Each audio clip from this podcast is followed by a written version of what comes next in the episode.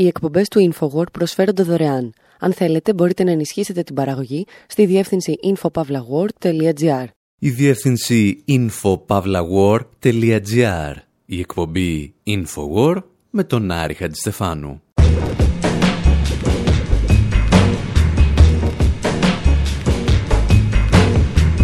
όπου σήμερα αφήνουμε για λίγο στην άκρη τον κορονοϊό, αποτείοντας φόρο τιμής σε έναν εκ των δύο δημιουργών του Αστερίξ, τον Αλμπέρου Ντερζό. Αναρωτιόμαστε πώς είναι να είσαι Ρωμαίος μετανάστης ανάμεσα σε γαλάτες, ειδικά αν έχεις έξι δάχτυλα στα χέρια και δέκα στα πόδια. Αναρωτιόμαστε επίσης εάν ο μαγικός ζωμός στον οποίο έπεσε μικρός ο Οβελίξ ήταν η μεταπολεμική ανάπτυξη και η προσπάθεια της Γαλλίας να απογαλακτιστεί από την Αμερικανική υπερδύναμη. Και ύστερα πραγματοποιούμε ορισμένα από τα ταξίδια του Αστερίξ και του Οβελίξ για να δούμε ποιος κυβερνά σήμερα αυτές τις χώρες. Περνάμε από το Λονδίνιουμ του Μπόρις Τζόνσον αναζητώντας τον παλιό καλό μπαστούνοκατάπιους και ύστερα βυθίζουμε μαζί με τον ΝΑΤΟ τα πλοία ορισμένων πειρατών. Βρίσκουμε τον δικτάτορα Σίση της Αιγύπτου στο θρόνο της Κλεοπάτρας και παρακολουθούμε Σιήτες, Σουνίτες και Κούρδους να συγκρούονται εκεί που κάποτε μάχονταν οι Σουμέροι, οι Ακαδαίοι, οι Ασσύριοι και οι Χεταίοι.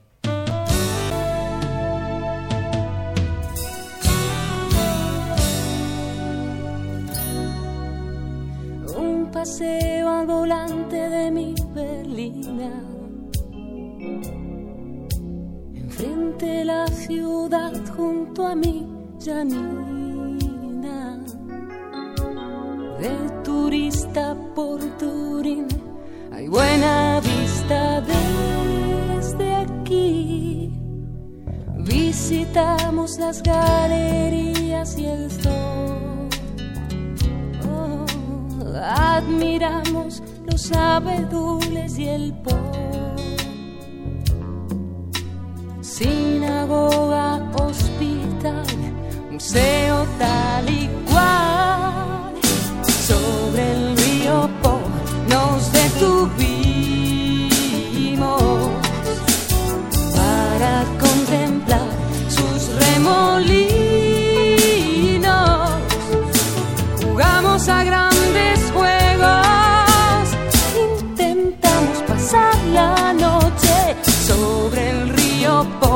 nos detuvo.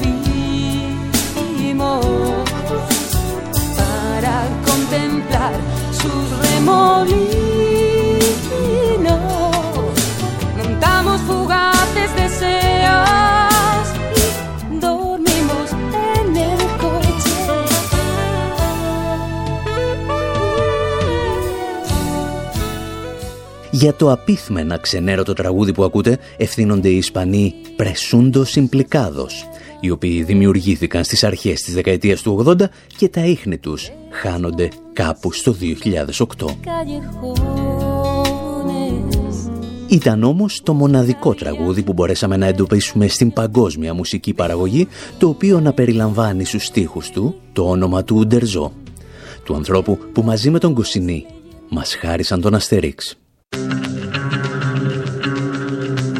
Ο Ούντερζό μας άφησε αυτή την εβδομάδα ήσυχα στον ύπνο του και η Γαλλία αποχαιρέτησε έναν μεγάλο γαλάτι, ή μήπως όχι.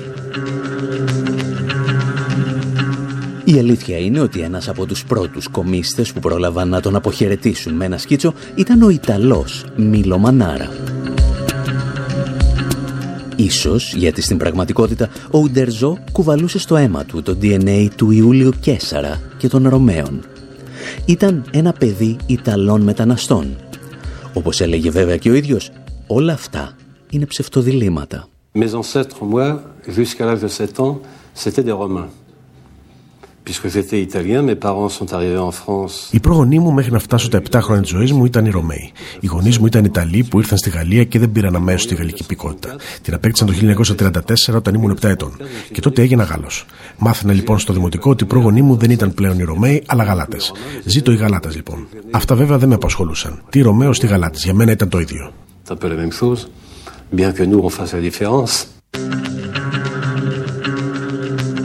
Δυστυχώς δεν ήταν το ίδιο και για τους συμμαθητές του Ντερζό, οι οποίοι τον αντιμετώπιζαν ρατσιστικά σαν έναν ξένο στη χώρα τους. Και ίσως το γεγονός ότι γεννήθηκε με ένα παραπάνω δάχτυλο σε κάθε χέρι και αναγκάστηκε να τα αφαιρέσει χειρουργικά, μάλλον δεν βοήθησε την ένταξή του στο σχολείο. Το σύνθημα λοιπόν «Τέρμα πια στις αυταπάτες» ή με τους Ρωμαίους ή με τους Γαλάτες καταραίει σαν πύργος από τραπουλόχαρτα μπροστά στα μάτια μας. Παρ' όλα αυτά, ο Αστερίξ και το γαλατικό χωριό θα συνεχίσουν να συμβολίζουν για εκατομμύρια ανθρώπους την αντίσταση απέναντι σε κάθε αυτοκρατορία.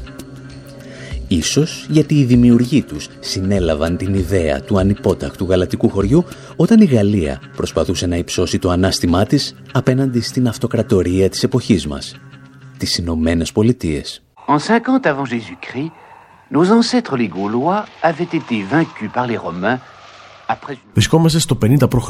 Οι προγονεί μας οι Γαλάτες είχαν ιτηθεί από τους Ρωμαίους ύστερα από μακροχρόνια μάχη. Οι αρχηγοί τους, όπως ο Βερσισεντορίξ, είχαν παραδώσει τα όπλα στα πόδια του Κέσσαρα. Όλη η Γαλατεία βρίσκεται υπό κατοχή. Όλοι, όχι. Ένα μικρό χωριό ανυπότακτων Γαλατών αντιστέκεται ακόμη. Μια μικρή περιοχή περικυκλωμένη από ρωμαϊκά οχυρά. Σε αυτό το χωριό θα γνωρίσουμε τον πολεμιστή Αστερίξ.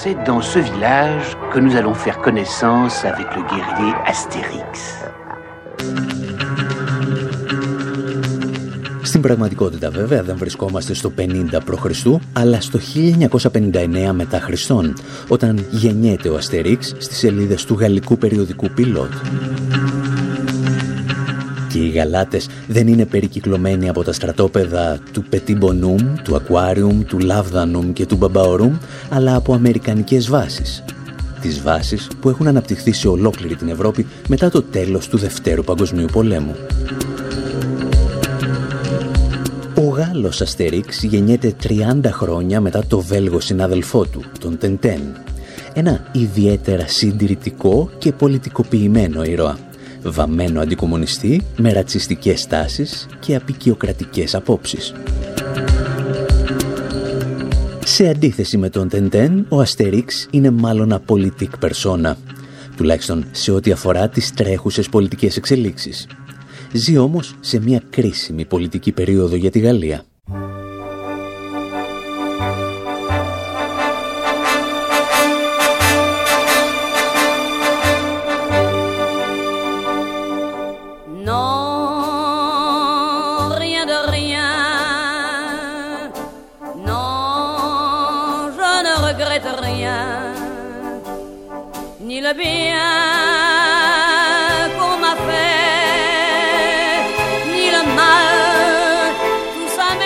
Ένα μόλις χρόνο πριν από τη γέννηση του Αστερίξ, ο στρατηγός Ντεκόλ έχει ιδρύσει την Πέμπτη Γαλλική Δημοκρατία και το 1959 αναλαμβάνει την προεδρία της χώρας. Και μέχρι το 1966 η Γαλλία είναι μια διαφορετική χώρα. Le général de Gaulle entreprend la dernière étape de son voyage. Mururoa est le périmètre d'expérimentation nucléaire où il assistera, si la météo le permet, à l'explosion d'une bombe A. Όπως εξηγούσαν και τα δελτία ειδήσεων της εποχής, η Γαλλία πραγματοποιεί την πρώτη της πυρηνική δοκιμή υπό την εποπτεία του στρατηγού Ντεγκόλ. Σε ευρωπαϊκό επίπεδο είναι η νέα στρατιωτική υπερδύναμη. Η Γερμανία, βλέπετε, μάζευε ακόμη τα κομμάτια της από το Δεύτερο Παγκόσμιο Πόλεμο και το Λονδίνο μάζευε τα δικά του κομμάτια από την κρίση του Σουέζ, η οποία διέλυσε οριστικά τη Βρετανική Αυτοκρατορία.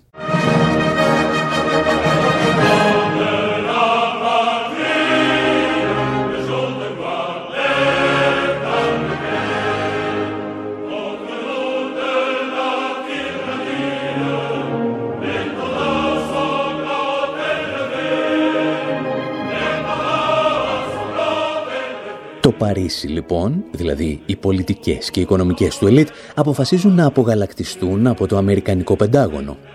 Κάποιος όμως πρέπει να το εξηγήσει και στον γαλλικό λαό. Αφήστε, λέει ο στρατηγός Ντεγκόλ, θα τους το πω εγώ. Φωνάζει τους διαπιστευμένους δημοσιογράφους στο Μέγαρο των Ηλυσίων και εξαπολύει μια βόμβα μεγατόνων que l'Occident ne se trouve plus actuellement menacé comme il l'était, c'est une preuve. 1 Μόλις χρόνο πριν από τη γέννηση του Αστερίξ, ο στρατηγός Ντεγκόλ έχει ιδρύσει την πρώτη της πυρηνική δοκιμή υπό την εποπτεία του στρατηγού Ντεγκόλ. Σε ευρωπαϊκό επίπεδο είναι η νέα στρατιωτική υπερδύναμη. Η Γερμανία, βλέπετε, μάζευε ακόμη τα κομμάτια της από το Δεύτερο Παγκόσμιο Πόλεμο και το Λονδίνο μάζευε τα δικά του κομμάτια από την κρίση του Σουέζ, η οποία διέλυσε οριστικά τη Βρετανική Αυτοκρατορία.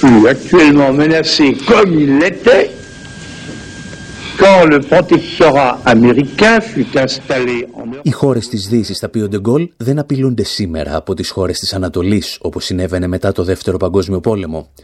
Τότε και μέχρι τώρα, κάτω από το μανδύα του ΝΑΤΟ, η Ευρώπη μετατράπηκε σε αμερικανικό προτεκτοράτο.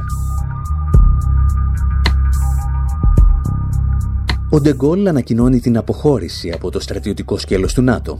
Διώχνει σε μερικούς μήνες τους 37.000 νατοικούς στρατιώτες και το αρχηγείο της συμμαχίας.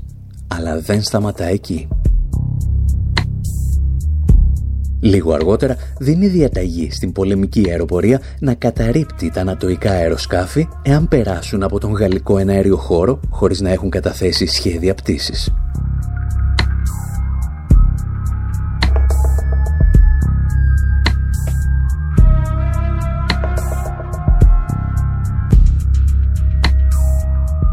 Τα παιδιά λοιπόν του Ντερζό και του Γκοσινή ενηλικιώνονται σε αυτές τις συνθήκες γεωπολιτικής αντιπαράθεσης με την Ουάσιγκτον. Οι δύο ήρωες λοιπόν θα έπρεπε να βρίσκονται και στην καρδιά του στρατηγού Ντεγκόλ. Αλλά όχι. Citoyens, citoyennes, quand le 14 juillet, j'ai dit place de l'hôtel de ville ο κύριος που ακούτε να φωνασκεί είναι ο Γάλλος εγγραφέας Ανρέ Μαλρό. Και αυτό που εξηγεί στους παρευρισκόμενους είναι ότι η δημοκρατία στη Γαλλία δεν μπορεί να υπάρξει χωρίς τον στρατηγό Ντεγκόλ και ο Ντεγκόλ δεν μπορεί να υπάρξει χωρίς τη δημοκρατία. Είναι δηλαδή κάτι σαν τα γνωστά εκβιαστικά διλήμματα «Ο Καραμανλής ή τα τάγκς», «Μνημόνιο ή χρεοκοπία» ή «Μένετε στην Ευρωζώνη» ή «Θα σας λιανίσουμε». Ο Μαλρό θα αποτελέσει έναν από τους πιο πιστούς πολιτικούς συνεργάτες του Ντεγκόλ και ο στρατηγός θα τον ανταμείψει προσφέροντας του μεταξύ άλλων το Υπουργείο Πολιτισμού. Και ένα μεσημέρι του 1966, σε μια συνάντηση στο σπίτι του στρατηγού, ο Ντεγκόλ θα κάνει στον Μαλρό μια πολύ απλή ερώτηση. «Ξέρεις», του λέει, «ποιος είναι ο μόνος ανταγωνιστής μου στη διεθνή σκηνή» και πριν ο Μαλρό προλάβει να απαντήσει, ο στρατηγός δίνει την απάντηση. Είναι ο Τεντέν, γιατί είμαστε και οι δύο μικροί και δεν φοβόμαστε τους μεγάλους. Και αν αναρωτιέστε γιατί ένας Γάλλος πρόεδρος να μην αναφερθεί στον γαλάτι ήρωα Αστερίξ αλλά στον Βέλγο δημοσιογράφο Τεντέν, μια πρόχειρη απάντηση είναι ότι ο Αστερίξ εκπροσωπεί την αμφισβήτηση κάθε εξουσίας. Συνεπώς και της εξουσίας του Ντεγκόλ. Αντίθετα ο Τεντέν ήταν πάντα το πιο πυθύνιο όργανο όλων των εξουσιών. Και επειδή εμείς ήμασταν πάντα με τον Αστερίξ και όχι με τον Τεντέν, σήμερα σκεφτήκαμε να ακολουθήσουμε τα βήματα του γαλάτι ήρωα σε διάφορες περιοχές της Ευρώπης και της Μέσης Ανατολής. Πρώτος σταθμός, το Ηνωμένο Βασίλειο, με ήχους και μουσικές που επέλεξαν οι δημιουργοί της ταινίας «Ο Αστέριξ και ο Βελίξ στη Βρετανία. 50 ans avant Jésus-Christ.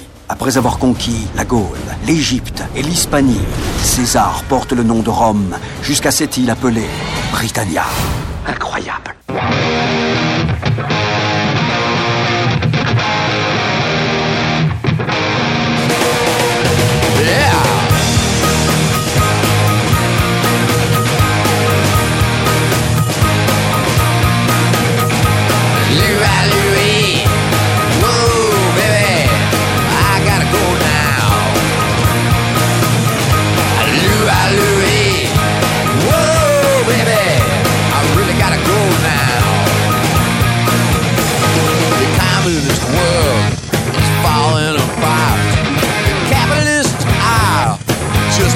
house. Money is the reason to be. Makes me just wanna sing Louie, Louie, Louie, Louie.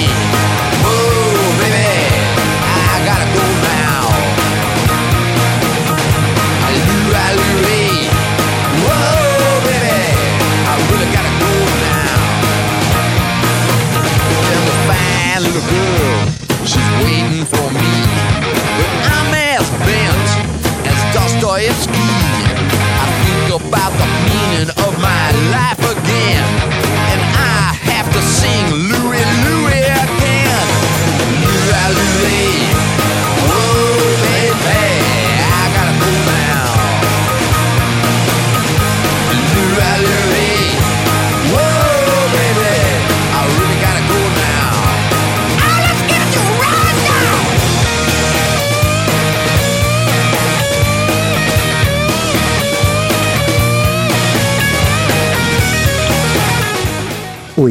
Pop κατακρεουργεί τους στίχους από το Louis Louis του Richard Berry και διηγείται ιστορίες για την πτώση του κομμουνισμού και την κυριαρχία του καπιταλισμού και του πολιτισμού του χρήματος.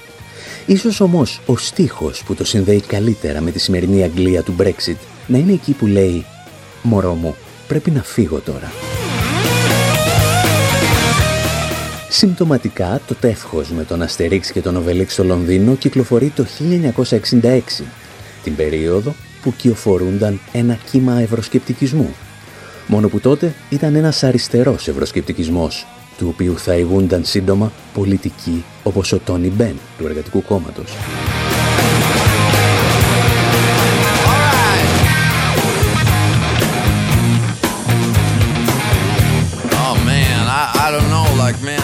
Από εκείνη την εποχή πάντως, όπως μπορείτε να διαβάσετε στο τεύχος, οι Βρετανοί εξακολουθούν να πίνουν χλιαρή μπύρα.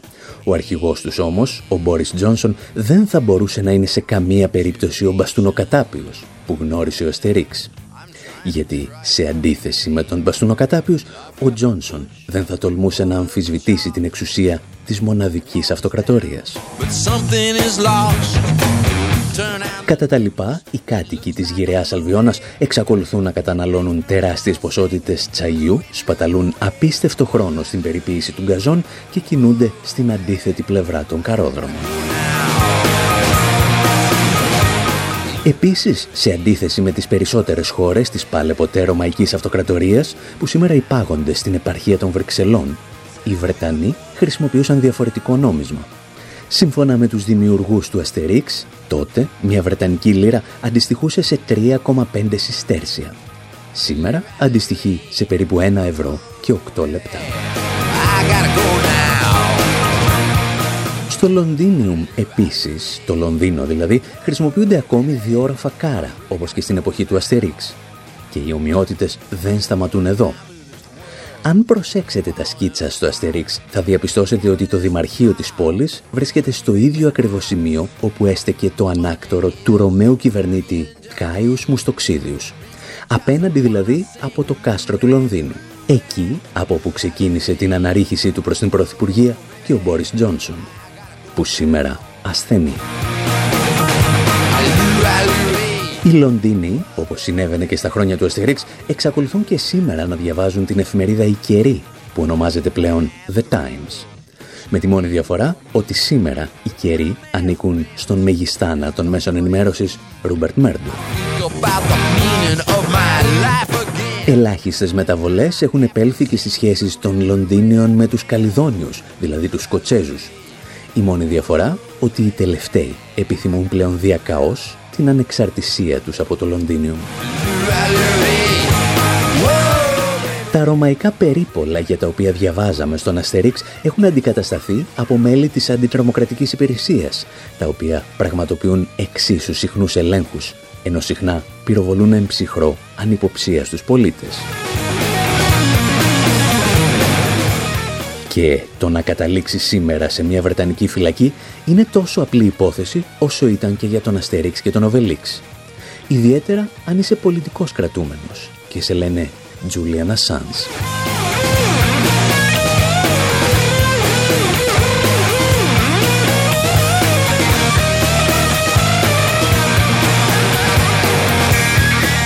Ο χρόνος όμως τρέχει και εμείς πρέπει να εγκαταλείψουμε το Λονδίνιουμ και να περάσουμε στη χώρα της Κλεοπάτρας με μια μικρή στάση στους πειρατές της Ομαλίας. Ιστορίες για τον Αστερίξ και τον Οβελίξ για το δεύτερο μέρος της εκπομπής.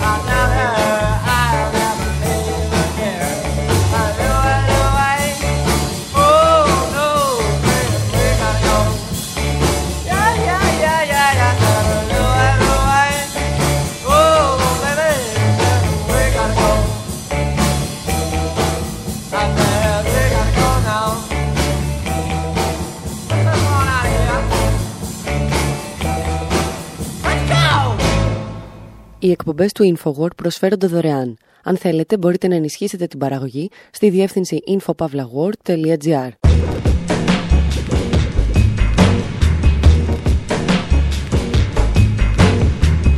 Εκπομπή InfoWord, μέρος δεύτερο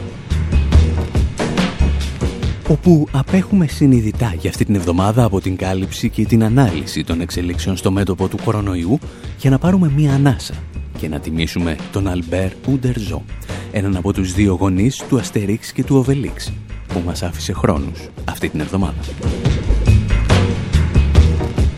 Είδαμε τους γαλάτες ήρωες να ενηλικιώνονται τη στιγμή που ο στρατηγός Ντεγκόλ αμφισβητούσε την στρατιωτική πρωτοκαθεδρία των Ηνωμένων Πολιτειών στην Ευρώπη. Και προς στιγμήν απορρίσαμε γιατί ο Ντεγκόλ προτιμούσε τον Τεντέν από τον Αστερίξ ή πιάμε μαζί τους χλιαρή μπύρα στο Λονδίνιουμ αναζητώντας μάταια τον ηγέτη των Άγγλων Μπαστούνοκατάπιους. Για το επόμενο ταξίδι όμως έτυχε ναύλος για τον Νότο για να γνωρίσουμε την Κλεοπάτρα της Αιγύπτου. Τις απαραίτητες συστάσεις θα κάνει ο Snoop Dogg. Yeah. Believe it. J.A. M-E-L with the big D go double G. D-A-Z. D-P-G. Family. Ooh, wee. Yeah, yeah. You say you wanna party with us? Well, come on, baby, let me see you get up and quit playing and do what I'm saying. We got a whole lot of food if you plan on staying. We all the same, no matter where you at in the Bentley or or the ghetto. We keep the hot metal settle down and pass it around. Cause we having a good time while I'm in y'all town. Franchising with French fries with French fries. Deal double G and I'ma do it to you ten times. Blizz I, is I, whiz I, Operation Cleopatra. Coming right at ya. J A M E L. I'm trying to holler at you, homie. Pick up your cell. D P G. Hell yeah, I got some suckers on my tail. Could you make a bail? Ça fait plaisir. We're gonna party. Oh. Let's get the party started. J'habite où? We're shake it up.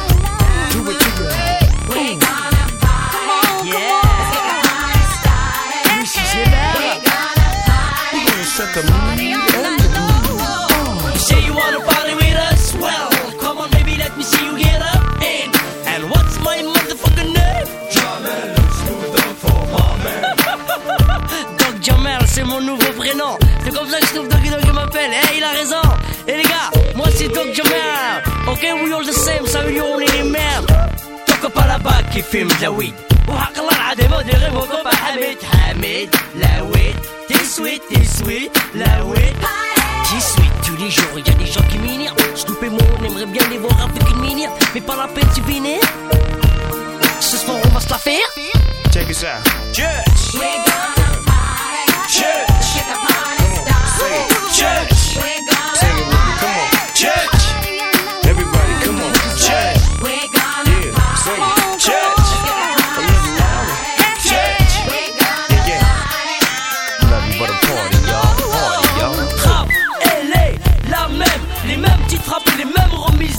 Come on. you know what I'm saying? Don't jump up. Check this out.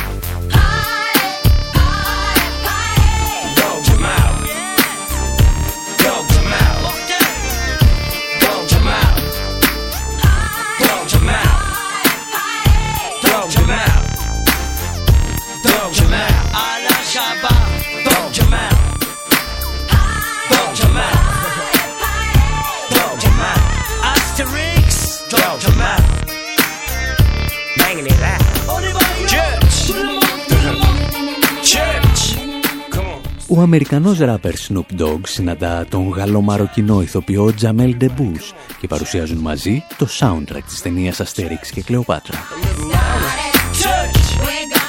Το άλμπουμ στο οποίο βασίστηκε η ταινία θα κυκλοφορήσει το 1963 και όπως σε όλα τα ταξίδια του Αστερίξ που περιλαμβάνουν θαλάσσιες μεταφορές, κάποια στιγμή κάνουν την εμφάνισή τους οι πειρατές και ο ψευδός μαύρος πειρατής στην κορυφή του καταρτιού ανακοινώνει με πανικό στους συναδέλφους του ότι έρχονται οι γαλάτες. No.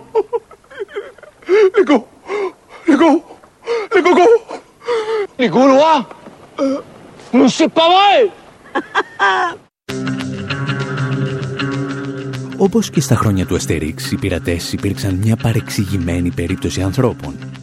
Εκτός από τις περιπτώσεις που λειτουργούσαν σαν τάγματα εφόδου κάποιας ναυτικής υπερδύναμης. Αρκετές φορές όμως, πίσω από τις κινήσεις τους, κρυβόταν απλώς η απελπισία. Ή, όπως θα έλεγε και ο ποιητής, ψωροκορώνα γράμματα στο τζόγο της ζωής, επάγγελμα, πιο επάγγελμα, τι επάγγελμα, πειρατής. Εάν βέβαια ο Αστερίξ ταξίδευε σήμερα, δεν θα συναντούσε τους πειρατές στη Μεσόγειο, αλλά στις ακτές της Σομαλίας. Θα τους έβλεπε να πραγματοποιούν το ρεσάλτο τους σε εμπορικά πλοία στο κέρας της Αφρικής. Και αντί να αντιμετωπίζουν τον ρωμαϊκό στόλο, θα έβρισκαν απέναντί τους την αρμάδα του ΝΑΤΟ. Το γιατί βρίσκονται οι πειρατές στο κέρας της Αφρικής και όχι στη Μεσόγειο του Αστερίξ είναι μια μεγάλη ιστορία. Για να την διηγηθούμε πρέπει να επιστρέψουμε στην εποχή πριν από τον Πρώτο Παγκόσμιο Πόλεμο. Και ίσως ο πατέρας του Ούντερζο να μπορούσε να μας βοηθήσει.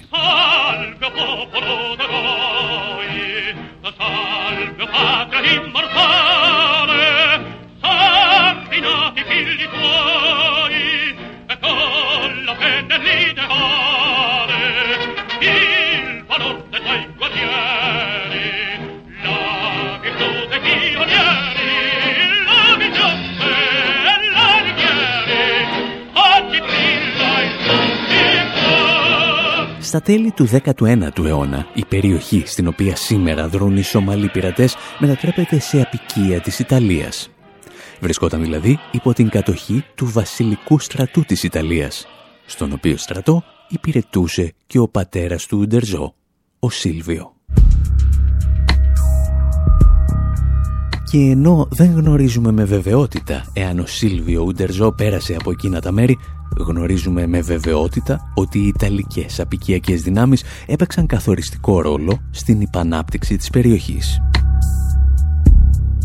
Μια υπανάπτυξη η οποία ακολουθεί την Σομαλία ακόμη και στις μέρες μας. Αφού βέβαια πρώτα πέρασαν από πάνω της και οι αμερικανικές νεοαπικιακές δυνάμεις στα τέλη του 20ου αιώνα. Η υπερεκμετάλλευση της περιοχής, ακόμη και από ελληνικά αλλιευτικά σκάφη, θα οδηγήσει στη δημιουργία ομάδων πειρατών, οι οποίοι αρχικά λειτουργούν σαν ομάδες για την προστασία του τοπικού πληθυσμού. Τα εξηγούσε πριν από αρκετά χρόνια ο Αμπτουρχαμάν Οσμάν, Σομαλός αναλυτής στο Λονδίνο. Οι πειρατές αρχικά ήταν νόμιμοι ψαράδες. Σύντομα όμως ήρθαν μεγάλα αλλιευτικά που ψάρευαν παράνομα στα έδατα της Σομαλίας και παρενοχλούσαν τους ντόπιους. Είπαν λοιπόν, θα πάρουμε τα όπλα και θα αμυνθούμε. Στην πορεία και λόγω της απόλυτης ανομίας και της έλλειψης ουσιαστικής διακυβέρνησης στη χώρα, σκέφτηκαν ότι με αυτόν τον τρόπο μπορούν να έχουν και άλλα κέρδη.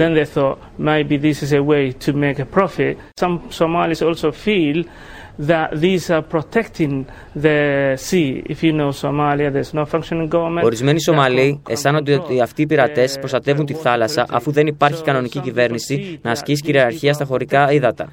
Βλέπουν λοιπόν τους πειρατές σαν προστάτες. Να σημειωθεί ότι υπάρχουν αναφορές σύμφωνα με τις οποίες ξένες εταιρείες πετάνε στη θαλάσσια περιοχή χημικά και ραδιενεργά απόβλητα.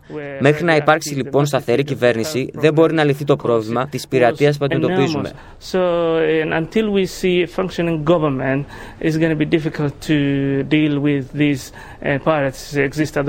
Η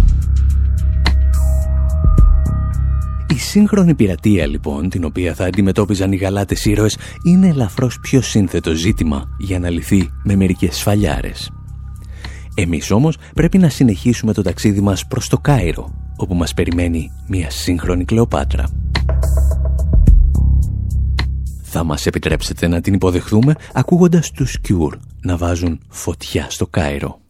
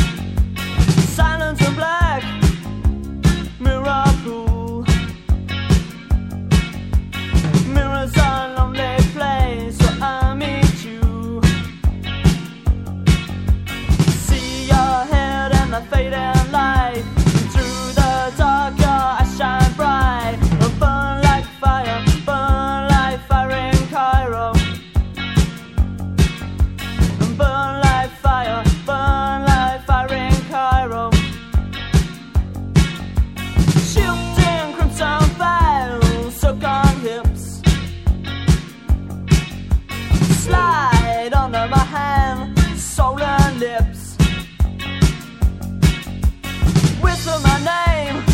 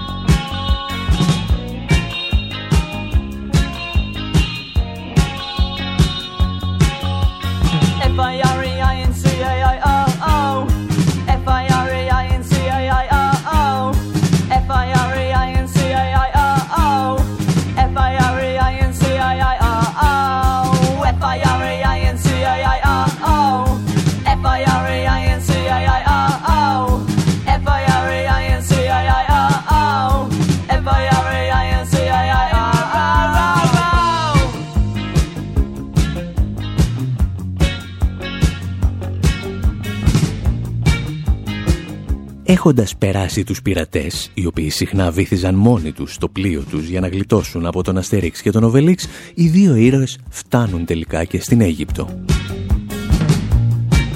Ο Αστερίξ και ο Οβελίξ βλέπουν από μακριά το φάρο της Αλεξάνδρειας, ο οποίος σήμερα μπορεί να μην υπάρχει, αλλά σε πολύ μικρή απόσταση διατηρείται η βιβλιοθήκη της Αλεξάνδρειας. Δυστυχώς για εκατομμύρια κατοίκους της Αιγύπτου το βιωτικό επίπεδο έχει βελτιωθεί ελάχιστα από τα χρόνια που επισκέφθηκαν τη χώρα τους οι γαλάτες ήρωες. Για ορισμένους μάλιστα ενδέχεται να έχει επιδεινωθεί. Εκατοντάδες χιλιάδες άνθρωποι ζουν σε παραγκουπόλεις, σε σκουπιδότοπους ή ακόμη και μέσα σε νεκροταφεία του Καΐρου.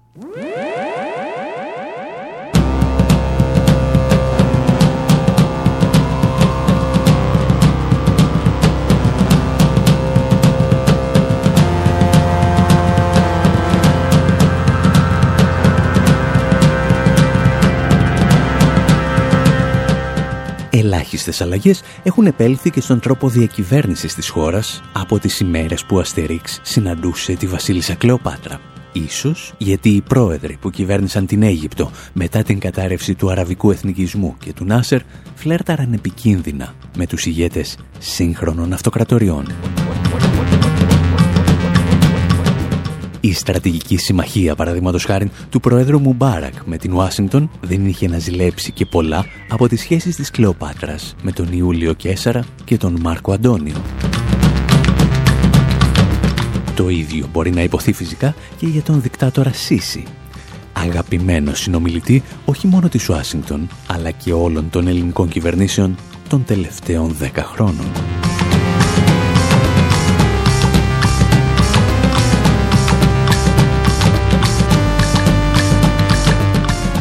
Στο τεύχος Αστερίξ και Κλεοπάτρα, οι Ρωμαίοι, αν θυμάστε, αναζητούσαν ομάδες αναρχικών που χαλούσαν τα σχέδια του Κέσαρα. Σήμερα, το ρόλο αυτών των ομάδων φαίνεται πως παίζουν τα στελέχη των αδελφών μουσουλμάνων, με τα οποία βέβαια είναι ελαφρώς δυσκολότερο να ταυτιστείς.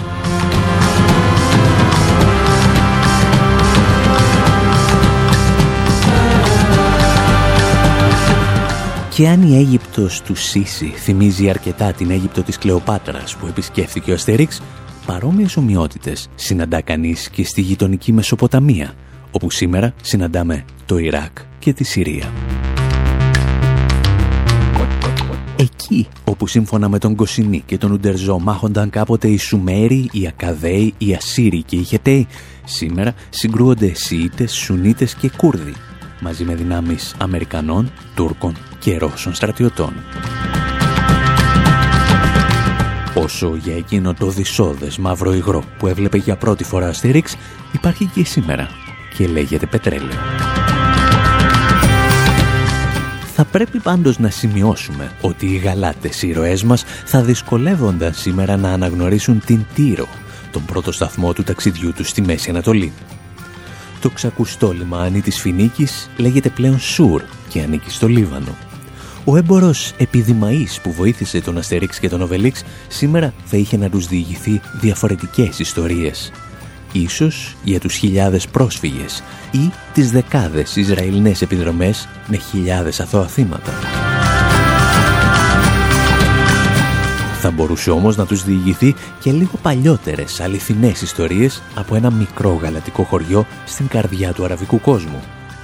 Ιστορίες από την εποχή που ο Γιασέρα Ραφάτ έστεινε το αρχηγείο του στην Τύρο και δήλωνε έτοιμος να αντιμετωπίσει τις τεράστιες στρατιωτικές δυνάμεις του Ισραήλ και των Ηνωμένων Πολιτειών. We are facing this huge, huge Israeli-American force. Η Τύρος που γνώρισε ο Αστερίξ πλήρωσε βαρύ φόρο αίματος το 1982 στα χρόνια του Αραφάτ αλλά και το 2006 όταν συγκεντρώθηκαν εκεί μαχητές της Χεσμολάχ και δέχθηκαν την επίθεση του Ισραήλ. Από την άλλη, ο μυστικός πράκτορας 0066 που συνομωτεί εναντίον του Αστερίξ θα μπορούσε σήμερα να εργάζεται για λογαριασμό της CIA ή της Σαουδικής Αραβίας. Των ανθρώπων δηλαδή που σύμφωνα με τον Αμερικανό δημοσιογράφο Seymour Χέρς εξόπλιζαν ομάδες εξτρεμιστών Ισλαμιστών εναντίον της Χεσμολάχ. Η βασική ιδέα ήταν να προσφέρουμε σε αυτές τις ομάδες όπλα, χρήματα και βασικό εξοπλισμό. Πρόκειται για μικρές ομάδες που αποτελούνται από περίπου 100 άτομα. Προσφέραμε μυστικά κονδύλια σε τρεις ή τέσσερις τέτοιες οργανώσεις, ώστε σε περίπτωση εχθροπραξιών να στραφούν εναντίον της Χεσμολάχ. Εάν λοιπόν ο ηγέτης της Χεσμολάχ, ο Ναστράλα, αναλάμβανε δράση, η κυβέρνηση του Σινιώρα στη Βηρητό, που στηρίζεται από τις Ηνωμένες Πολιτείες, θα είχε στο πλευρό της μερικούς σκληρούς άντρες. Τελεία και παύλα. Αυτή είναι η πολιτική που ακολουθούμε.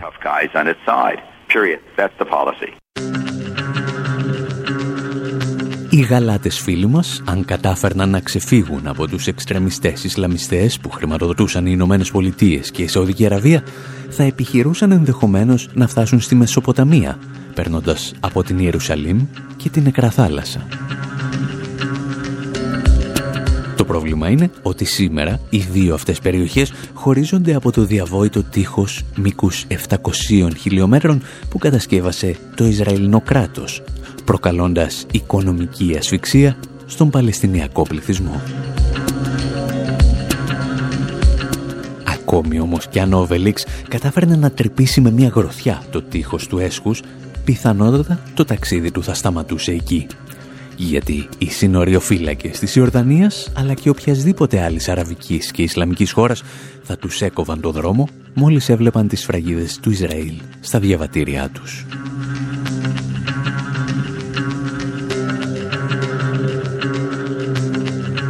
Κάπου εδώ όμως ο χρόνος μας τελειώνει, ενώ έχουμε προλάβει να παρακολουθήσουμε μόνο δύο ταξίδια του Αστερίξ και του Οβελίξ και μια μικρή αψιμαχία με κάτι πειρατές. Ήταν ένας ελάχιστος φόρος τιμής στον Αλμπέρ Ουντερζό που μας άφησε αυτή την εβδομάδα αποκλεισμένους μέσα στα μικρά γαλατικά μας χωριά. Εμείς συνεχίζουμε να παρακολουθούμε καθημερινά τις εξελίξεις του κορονοϊού με τη δική μας ματιά στη σελίδα μας info.pavlawar.gr Μέχρι την επόμενη εβδομάδα πάντως, από τον Άρη Χατζηστεφάνου στο μικρόφωνο και τον Δημήτρη Σαθόπουλο στην τεχνική επιμέλεια, γεια σας και χαρά σας.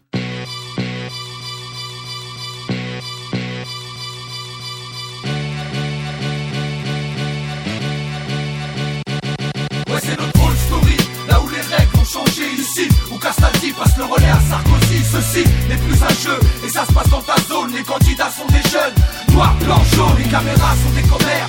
Les zooms sur les doigts et pieds pour plus de trois mois. Ouh, ouh, ouh, où les perdants finissent en goal. Sans les voix du public, plutôt celui des schmitts et finissent à moins de 14 à 11. Ça c'est la old story. Là où le béton nous rend tous tarés. Là où l'avenir se tarit. Où on aimerait tous en tirer s'en sortir, on compte sur la zik et le ballon. On rame, mais les chemins mènent plus à Rome et au ballon. Ici les keufs flippent, et y'a que des queutas et des flops. Chez nous on tourne sur la tête, ici faut deux les dans le c'est fuck les stupes. La PAC, bref, les forces de l'ordre. On n'aime pas le bleu, leur barreau, on aimerait les tordre. Rien à perdre, rien à foutre de leur loi merdique. Fuck les boucaves, les indiques, les sujets leur verdict. Strict réalité, triste banalité, fils fucking vocal. Toujours la même merde dans nos districts, dans nos streets. On fait nos dièses en zoom zoom. On a le seum, boum, c'est la peña boum boum. Ça c'est dessus. Un insultage de rhum, puis ça se tire dessus. Ghetto génocide, autodestruction, les miens contre les tiens. Alors qu'on a le même ennemi en commun. Chien, tu sèmes, tu vas récolter. C'est le chant des révoltés, le ghetto est survolté. Nous quand on sort du loft, c'est avec les bracelets. Désolé, je suis pas soft, non. Tu vois mes seufs en bracelet. Bleu pour tes hommes blancs, tu crois l'être. Rouge sur mon regard, LTM sur mes trois lettres. Ouais, c'est notre là où les règles ont changé ici, où Castaldi passe le relais à Sarkozy. Ceci n'est plus un jeu, ça se passe dans ta zone. Les candidats sont des jeunes, noir, blanc, jaune, les caméras sont des commères. Les zooms sur les toits et pieds pour plus de trois mois. Ouh, ouh, ouh, où les perdants finissent en tôle, sans les voix du public, plutôt celui des schmitts et finissent à moins de 4 dans un rôle. Babylone croit qu'on lâche juste pour l'esprit. Les élus peuvent se mettre en belles paroles dans le, dans le cul. Pour les cas sociaux, les rôles remplis. On place une spéciale pour les hauts. J'ai le plomb de l'audimat et du paysage audiovisuel. Dans un pays toujours plus à droite, les gens matent. Le zoo dans le petit écran, matraquage télévisuel. On fait avaler la pilule aux gens. Genre voilà les pirates que nos quartiers abritent. La France est trop mate et nous voit comme des primates. Ils promettent, ils promettent de combattre l'insécurité. Sont bons qu'à débattre et à toujours en rajouter. On a tous les torts, donc je prends grand ma bouche. Répète, peut-être, mais nique qu'on repasse une couche. Avec Sarcoco, les boycos sont plus chauds que jamais. C'est miné, j'imagine que désormais, ces petits dettes vont nous mener la vie dure, faut qu'on s'adapte. J'ai pas d'antidote, avec eux nos rapports s'adaptent. Pas d'hier époque de malade, on écope d'une réputation minable. Et comment sauver les meubles? Comment fermer sa gueule? Comment ne pas péter un câble? Dis-toi qu'à leurs yeux, c'est le mal qu'on incarne. Les pointeurs, c'est nous. Les voleurs, c'est nous. Les attentats, c'est nous. On a à foutre. Je suis pas des vôtres, c'est même une fierté. Je sais pas si tu comprends nos sales stories. Là où les règles sont pas les mêmes ici. Où les refrains vont au charbon et se démènent. Ceci n'est pas un film. Et ça se passe dans ta ville, de l'autre côté du périph. Là où les schmitts en civil sont à l'affût et te surveillent. On se met en mode furtif, en mode veille. Les refs continuent à faire leur oseille. Changé ici, où Castaldi passe le relais à Sarkozy. Ceci n'est plus un jeu, et ça se passe dans ta zone. Les candidats sont des jeunes, noir, blanc, jaune, les caméras sont des commères. Et zoom sur les toits et pieds pour plus de trois mois. Ouh, où les perdants finissent en tôle, sans les voix du public, plutôt celui des schmitts et finissent à moins de 4 dans un rôle. Ça se passe comme d'hab. Où la vie est batte, les halls sont crasses. Comme un moulard dans son kebab Traîne des jeunes arabes, renois et blancs Et si t'en es pas content, garde-en la première syllabe Quand parfois j'y mange, d'autres viennent pointer. Est-ce le bruit qui vous dérange ou notre présence qui fait flipper? Toi tu mets des prospectus, d'autres croient vos puces Les l'kbar, les simplement pour les hédis de plus. Du shit pour les nerfs, apaiser la galère ou c'est la guerre. Une chatte pour 20 célibataires, frère sur le pavé. C'est pas ce que tu recherches bébé, l'homme idéal. Sorti d'un conte de fées ou de fait Nous le fruit des cités, vos reportages sécuritaires. C'est fou ce qu'on est populaire, rien qu'on passe à la télé Entre dealers et tournantes, un plus pour les racistes À pas confondre, c'est un hall, pas une école pour terroristes. Où on nous tape du style, rénove à la bonne heure S'il répare les ascenseurs, c'est qu'un ministre débarque en ville. Que de belles phrases, le gros voleur pas chez toi frangin. Si t'as l'occasion, serre-lui la main, puis tourne tes doigts. France d'en haut et d'en bas, qui carotte le plus de bas Est-ce le voleur en là ou le en costard Hein? T'aimes pas mes vers, ni mon vocabulaire Tu me trouves vulgaire lorsque je communique ta mère Y'a plus le droit de fumer un bête plus le droit d'aller au but, plus le droit de traîner avec tes potes, ça que les bâtards scrutent. Après les bleus de Santini, experts en football, v'là les bleus de Sarkozy, nouveaux experts au flashball. Et voici la Gaule, nous résistants de demain, les rôles s'inversent, nous pour Astérix et eux pour les Romains. S'il faut insulter leur mère, pour ça ayez confiance en moi.